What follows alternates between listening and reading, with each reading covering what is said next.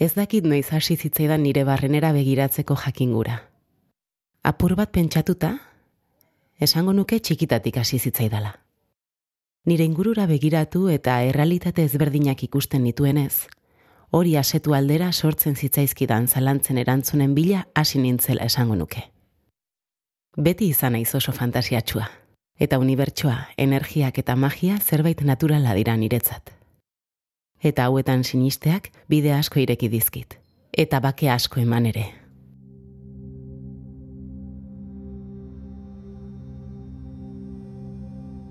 Batzuk espirituala naizela esan dezakete. Beste batzuk jogia edo hipia. Nik ez diot nire buruari inolako etiketarik jartzen. Ikusi dudana eta sentitu dudana sinisten dut eta horrek balio dit. Azken finean, hori baita garrantzitsuena. Balio dizun hori, bakea ematen dizun hori, topatzea eta gozatzea. Naomi mendizabal naiz eta hau urratsa da. Ongizaterako eta norbanakoaren azkuntzarako podcasta.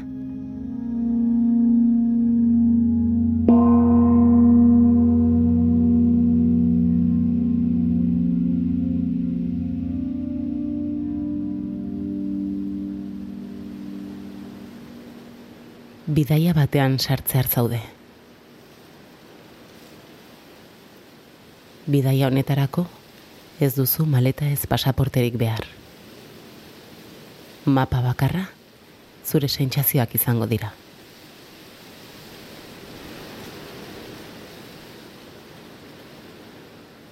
Hauek erakutsiko baitizute bidea eta zuk erabakiko baituzu noraino iritsi nahi duzun. Baldintza bakarra dago. Baimendu zure burua, bidaian agertzen zaizun edo zer sentitzera eta onartzera. Eta ondoren, gorde bizitakoa.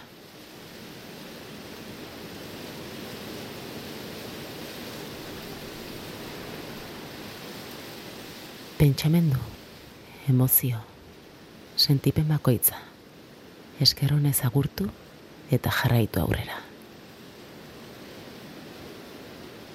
Bidaiari hasiera emateko hitza lingurua eta itxi begiak.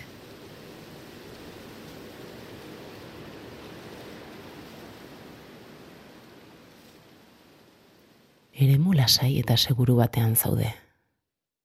Zure gorputza modu erosoan etzan, edo eseri besaulki edo oean, eta datozen minutuetan, zure begiak lasai itxita utzi.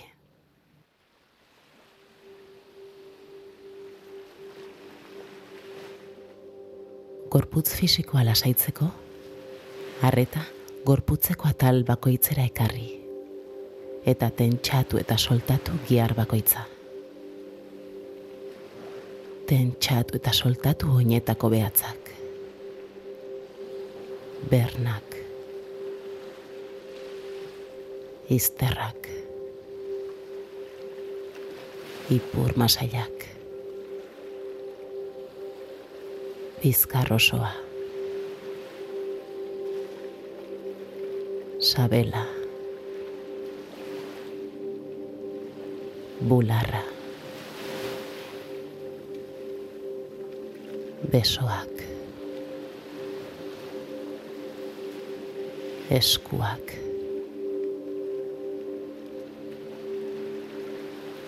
Eta eskutako atzak. Sorbaldak. Lepoa. Aurpegiko gihar bakoitza. Matraia. Espainiak. Hau sabaia. Me engaña. Masaiak. Sudurra. Begiak. kopeta.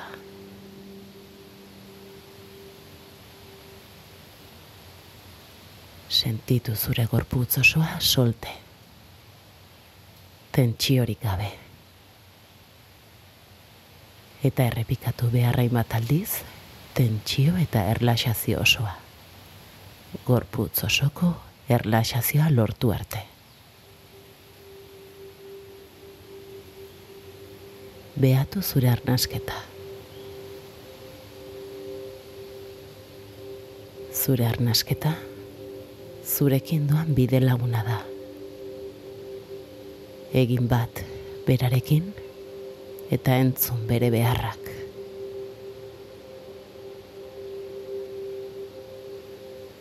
Nondik eskatzen dizu arnas hartzea? nondik eskatzen dizu arnaz askatzea. Lasai sentitzen duzu erritmoa, ala bizi-bizi.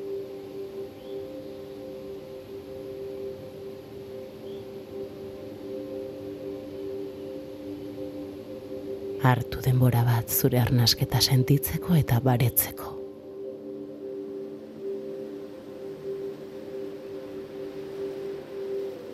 non sentitzen duzu arnasketaren bulkada. Sabelean, bizkarrean, urdailean, bularrean, eztarrian,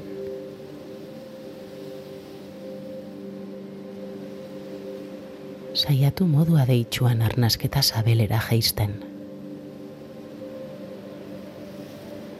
Nabaritu, nola zabaltzen den zure sabela arnaz hartzen duzun bitartean.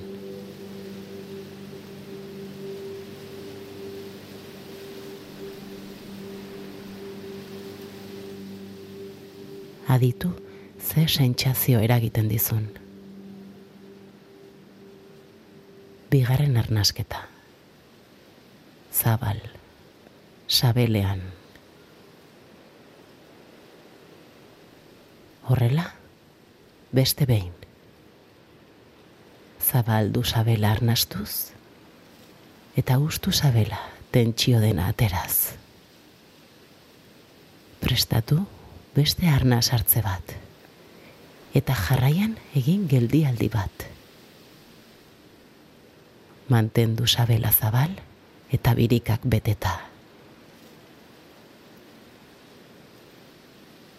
Ustu gorputz dena.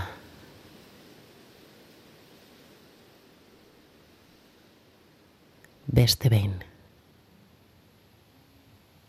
Arnastu sakon eta mantendu gorputza beteta.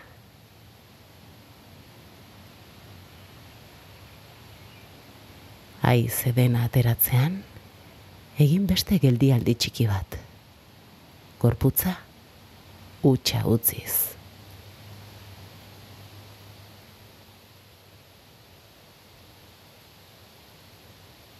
Geldialdi motzekin hasi. Bi edo hiru segundu mantenduz. Erosoago sentitzen zarenean, trebatu zarenean eta inolako kontrako argudiorik ez badago, zabaldu geldialdia, amar segundur arte.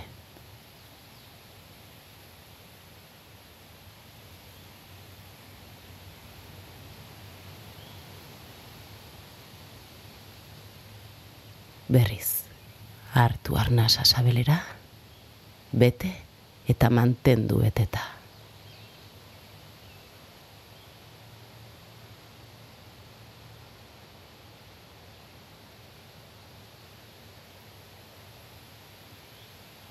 Utzi ateratzen aize den astiro eta mantendu utxik.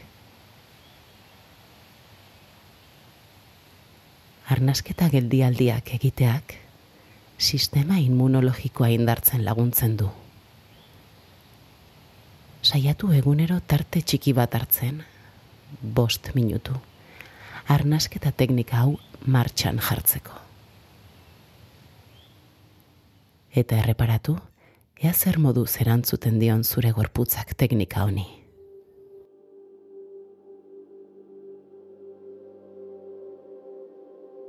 Orain hartu eta botarnasa modu naturalean. Zure berezko moduan. Sabelean. Arnasketa eta gorputza askatu dituzu. Orain, barrenera eramango zaituen bidaian sartzera zoaz.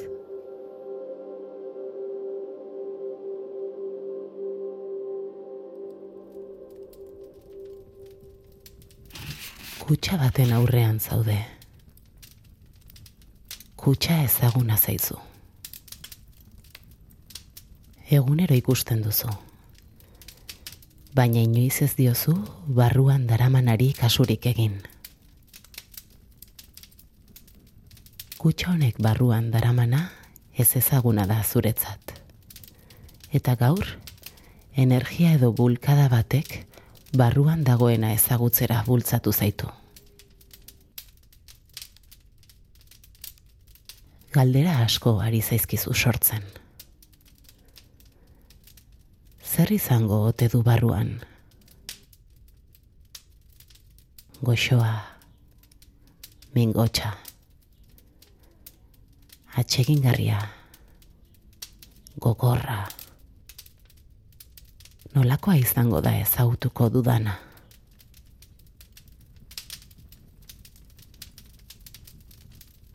kutsa zabaltzeko giltza agertu zaizu eskuetan. Galdetzea, giltza baita. Baina preste gongoten aizkutsak erakutsiko didana ikusteko. Edo ulertzeko. Edo onartzeko. Kutsa eskutan hartu eta irekitzera usartu zara.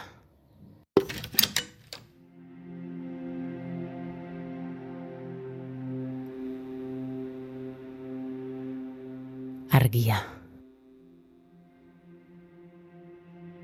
Kutsa zabaldu eta argi distiratxu batek itxutu zaitu.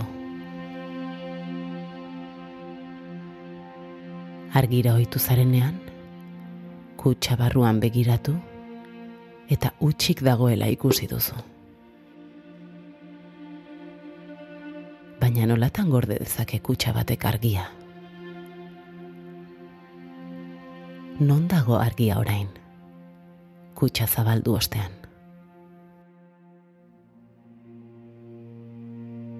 Kutsa utzi eta zure egunerokoarekin jarraitu duzu.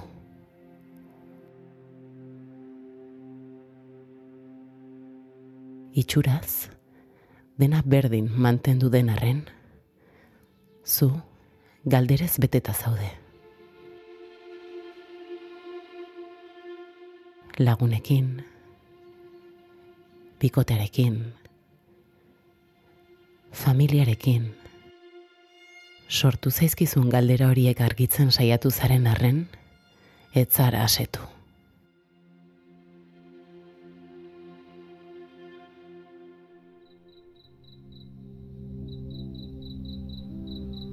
gaua iritsi da eta oean etzan zara.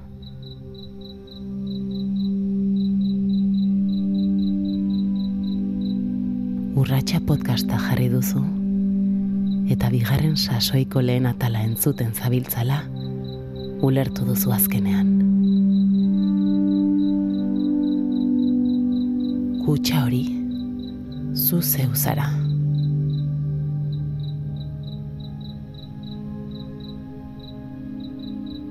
kutxan agertutako argiak, barnealderako bidea argiztatu dit. Eta orain, erabaki bat hartu behar dut. Urratxa entzuten jarraitu eta argia eraman nire itzaletara. Edo aitzitik, kutsak itxita jarraitzen duenaren plantak egin eta nire orain arteko egunerokotasunarekin jarraitu.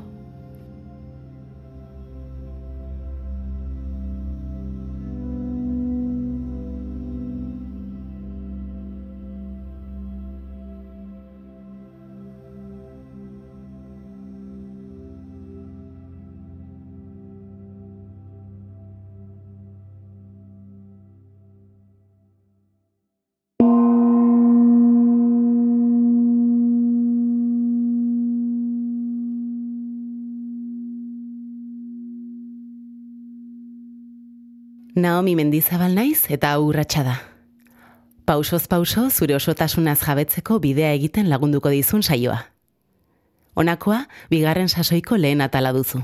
Eta orain iritsi bazara gugana, oroitu saio mordoa topatuko duzula ITB podcasten edo zure audio plataforman. Arpidetu eta zabaldu lagun eta seniden artean. Ei, txt, entzun hori. Ulu Media.